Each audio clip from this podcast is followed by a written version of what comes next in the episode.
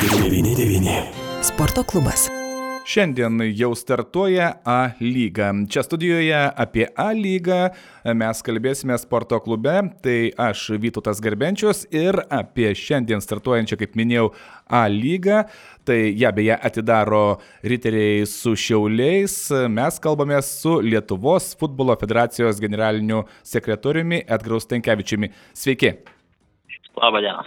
Tai kokia nuotaika, kai pagaliau uždanga, na, uždanga negalim sakyti, kad pakyla, jau ji buvo pakelta praėjusį savaitgalį, bet viskas, na, toks praėjęs savaitgalis buvo ta užuomasga, kad viskas toj toj prasidės, šiandien viskas jau pilnu tempu startuoja.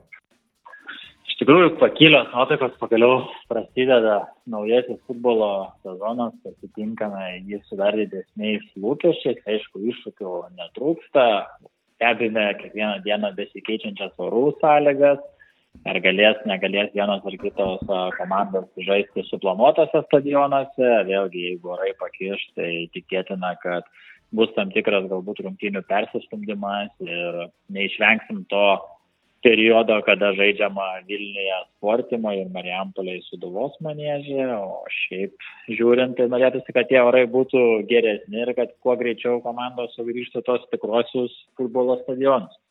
Oi, kaip mes prisidedam prie jūsų maldų futbolo dievam, kas jau kas, o Dainava tikrai irgi labai stebi orus ir nori kuo greičiau savo aikštėje gražiojoje irgi žaisti namų rungtynes, tai labai puikiai jūs suprantam kaip ir visa futbolo bendruomenė. Na, o šiandien, kaip ir e, minėjau, A lyga startuoja. Kaip jūsų matymų, manimų, e, lyga dar paaugo šį tarp sezonį, kokius aspektus, dalykus jūs išskirtumėte? Tai tobulėjimų ribų nėra, kiekvieną tarp sezonį ir kiekvieną sezoną tiek A lygos administracija, tiek ir federacijos mes dirbame kartu, esame vienas ir tas pats, kaip sakoma, organizacinis periodas ir aparatas, tai iš tikrųjų tarp sezonį buvo priimtas sprendimas, kad pagaliau turime turėti Lietuvoje varą, nes esame viena iš tų dar nedaugeliu Europos šalių, kurie iki šiol neturėjo varo, tai buvo priimtas federacijos sprendimas, kad investuojam tikrai nemažą finansinį indėlį į šią technologiją, į žmogiškosius išteklius ir buvo pradėtas procesas, tai šiandien dienai teisėjai yra apmokomi dirbti, nes jie turi būti apmokinti, sertifikuoti, kad galėtų dirbti su šia būtent varo technologija. Kitas dalykas, visą laiką tiegiame kiek įmanoma pateikti geresnį video turinį, tai turim naują OTT platformą futbolas.tv, per kurią irgi pateiksim kiek įmanoma daugiau ekskluzyvinio turinio tą pačią lygą, tai A lygos dalyvaujančius klubus, vietinės ir galių bendruomenės ir visus kitus futbolo sistemoje veikiančius asmenys, tai investuojam tikrai nemažą pinigų sumą žmogiškųjų resursų į būtent video turinį, kas šiandien dienai, manau, ir daro lygą kiek įmanoma patrauklesnę. Žinoma, vėl laukia rinkiminis sezonas, laukiam, kada išsirinks merai visose miestuose, vyksime pas juos, kalbėsime dėl tolimesnių perspektyvų, kad būtent kaip įmanoma atnaujinti stadionus, kur yra planuojami regionuose nauji stadionai, kad pakelti bendrai Lietuvos OptiBet A lygos futbolo įvaizdį, nes suprantam savo infrastruktūrinę situaciją šiandien dieną ir norisi kad jinai eitų į priekį ir kad mes tada galėtume tiek sirgaliam, tiek rėmėjam pateikti kuo patrauklesnį produktą, tai yra būtent futbolo rungtynės. VAR sistemą paminėjote ir čia, na, tikrai reikia dar greičiausiai šiek tiek grįžti prie jos. Jūs sakėte, jog, kaip suprantu, ji jau yra, bet čia ne vien tik tai ta VAR sistema yra techniniai sprendimai, bet čia reikia dar ir žmonės apmokinti, ar ne? Ir kada planuojama, kad lygoje tai jau virs na kūnų, plus minus? Tai vat, kaip tik, ką jūs minit, tai yra šiek tiek atvirkščiai, tai šiandien dienai pačios VAR technologijos dar neturim, renkasi pasiūlymą iš klientų, iš tiekėjų, turime patvirtintą aprobuotų tiekėjų sąrašą, kas gali teikti būtent VAR technologiją, kad susipirkti visą įrangą ir taip toliau. Tai atsirinkinėjom pasiūlymus ir komplektuojam, kaip tas visas VAR komplektas galėtų atrodyti pas mus Lietuvoje. O būtent kol tą dalyką darome, tai yra darbas su teisėjais, su UEFA ir FIFA instruktoriai dirba, su mūsų teisėjais, tiek su rinkodaros departamentu, tiek su komunikacijos, kad buvo kelių dienų mokymai Lietuvoje apie tai, kas tai yra iš vis per sistemą, kaip jinai veikia, kaip ją reikia dirbti, o dabar yra paskirti mūsų atsakingi var inspektoriai, kurie ir tobulina savo žinias ir būtent jie jau dėks tolimesnį instruktažą mūsų teisėjim, kurie ir galės naudoti A lygos centrinėse rungtynėse būtent šią technologiją. O noras yra kiek įmanoma greičiau, optimistinis variantas yra apie Liepos mėnesį, kad antroje sezono pusėje jau turėtume ir nuo kitų metų galėtume pilnai startuoti. Ir planas yra, kad dabar turėsim vienas centrinės turo rungtynės, tai būtent tas, kurias rodo TV6 sekmadieniais. Aha, vadinasi, šį sezoną tai jau antroje pusėje tikrai turėtų tose centrinėse rungtynėse ar ne būti VAR sistema, o po to greičiausiai visose ar ne, jinai yra siekis, kad būtų.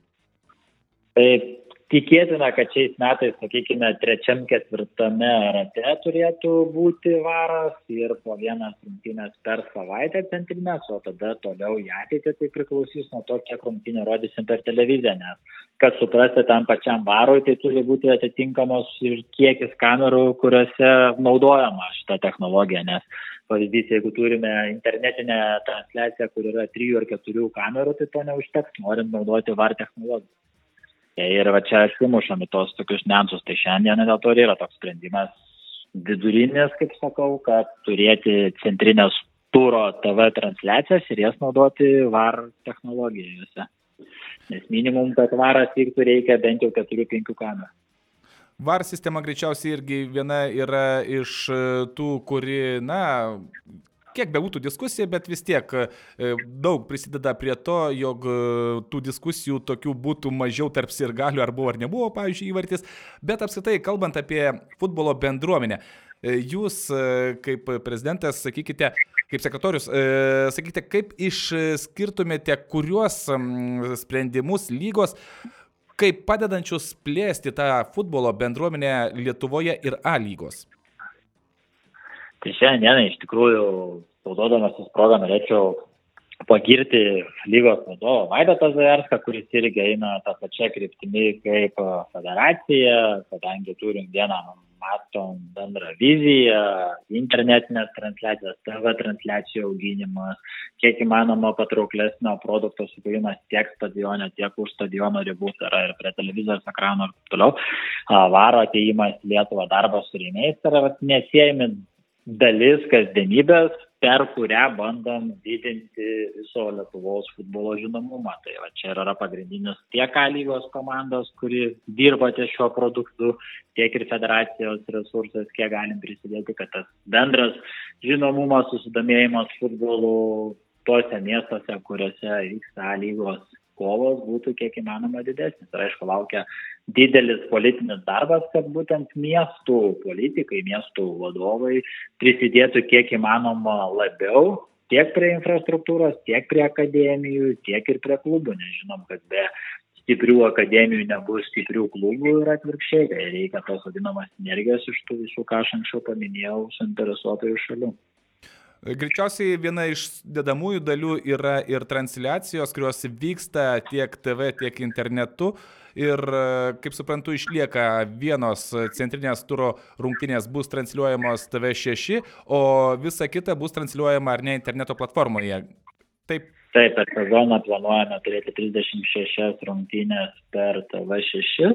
Aišku, gali viena kita dvikova iškristi dėl užimtumo arba dėl būsimų rungtynių perkelimo, o visos kitos 144 yra planuojamas internete rodyti tiesiogiai. Na tai irgi plečia tą bendruomenę neabejotinai ir 10 komandų lygoje. Ar tai jūsų manimo yra optimaliausias skaičius, ar į ateitį žvelgiant gali kisti?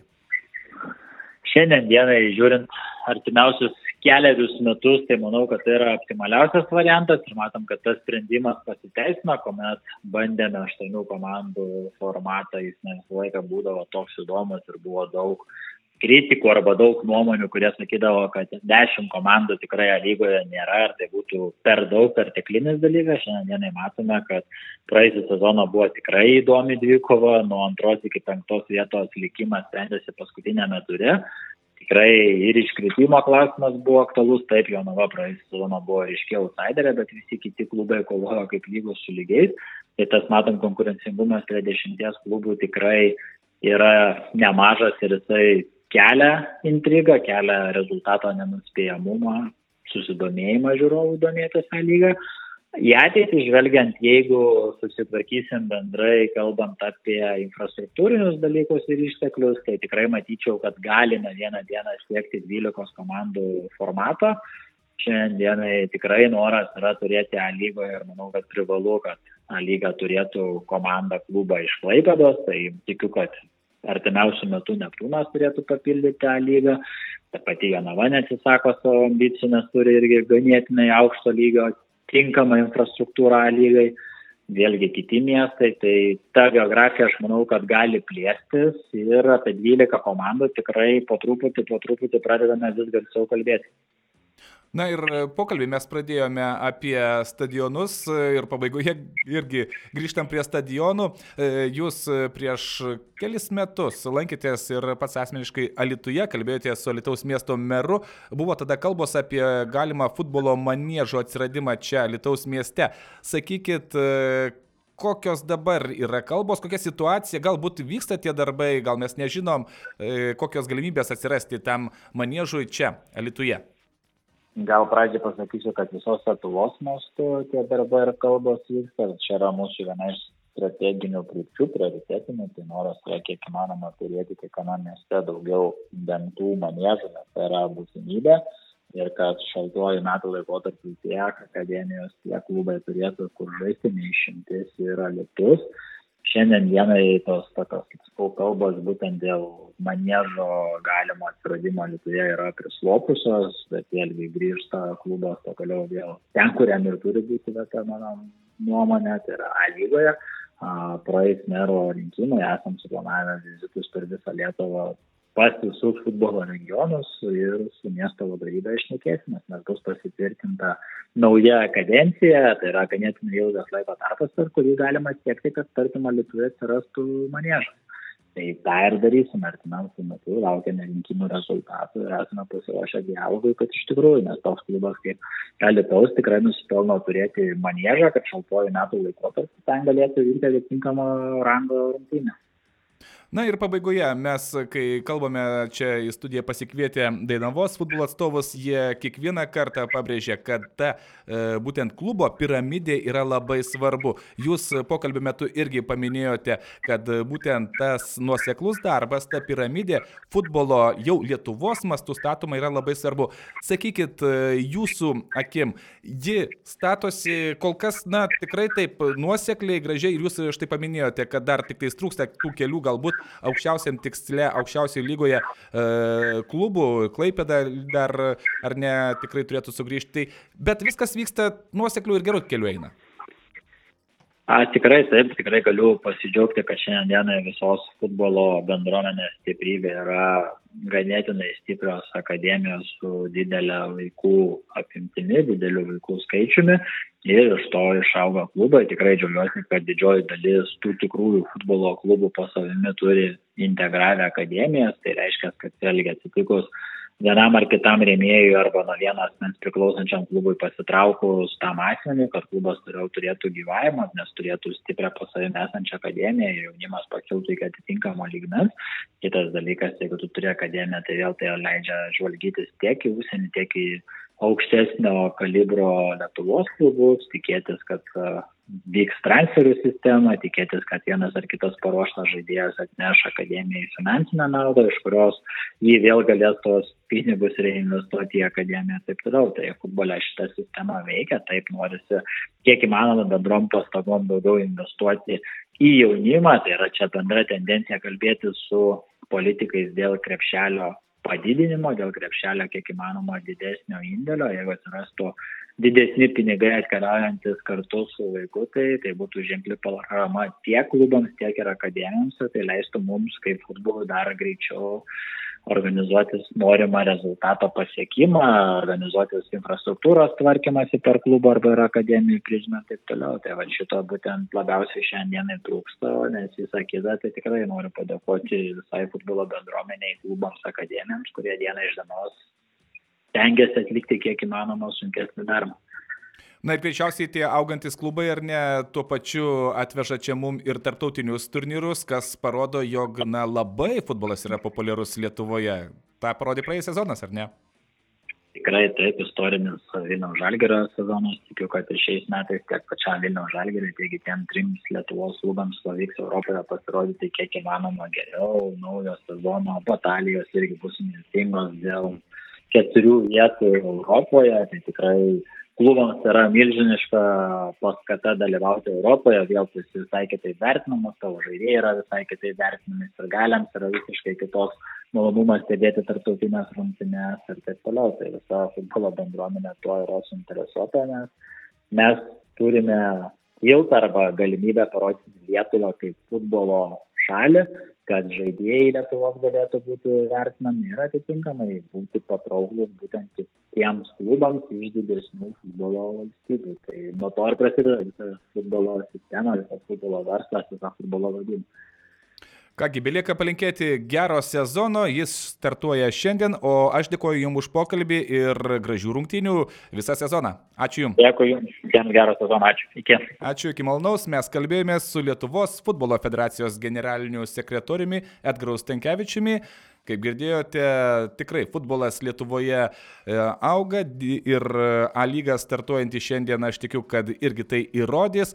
Šiandien pirmosios rungtynės, e, jas būtent žais riteriai su Šiaulių komanda. Tuo tarpu dar kartą noriu priminti, jog rytoj, šeštadienį, kovo ketvirtą dieną Marijampolėje susitinka Alitaus Dainava su Kauno Hegelman komanda, Kauno rajono Hegelman komanda ir šis sustikimas vyks 20 val.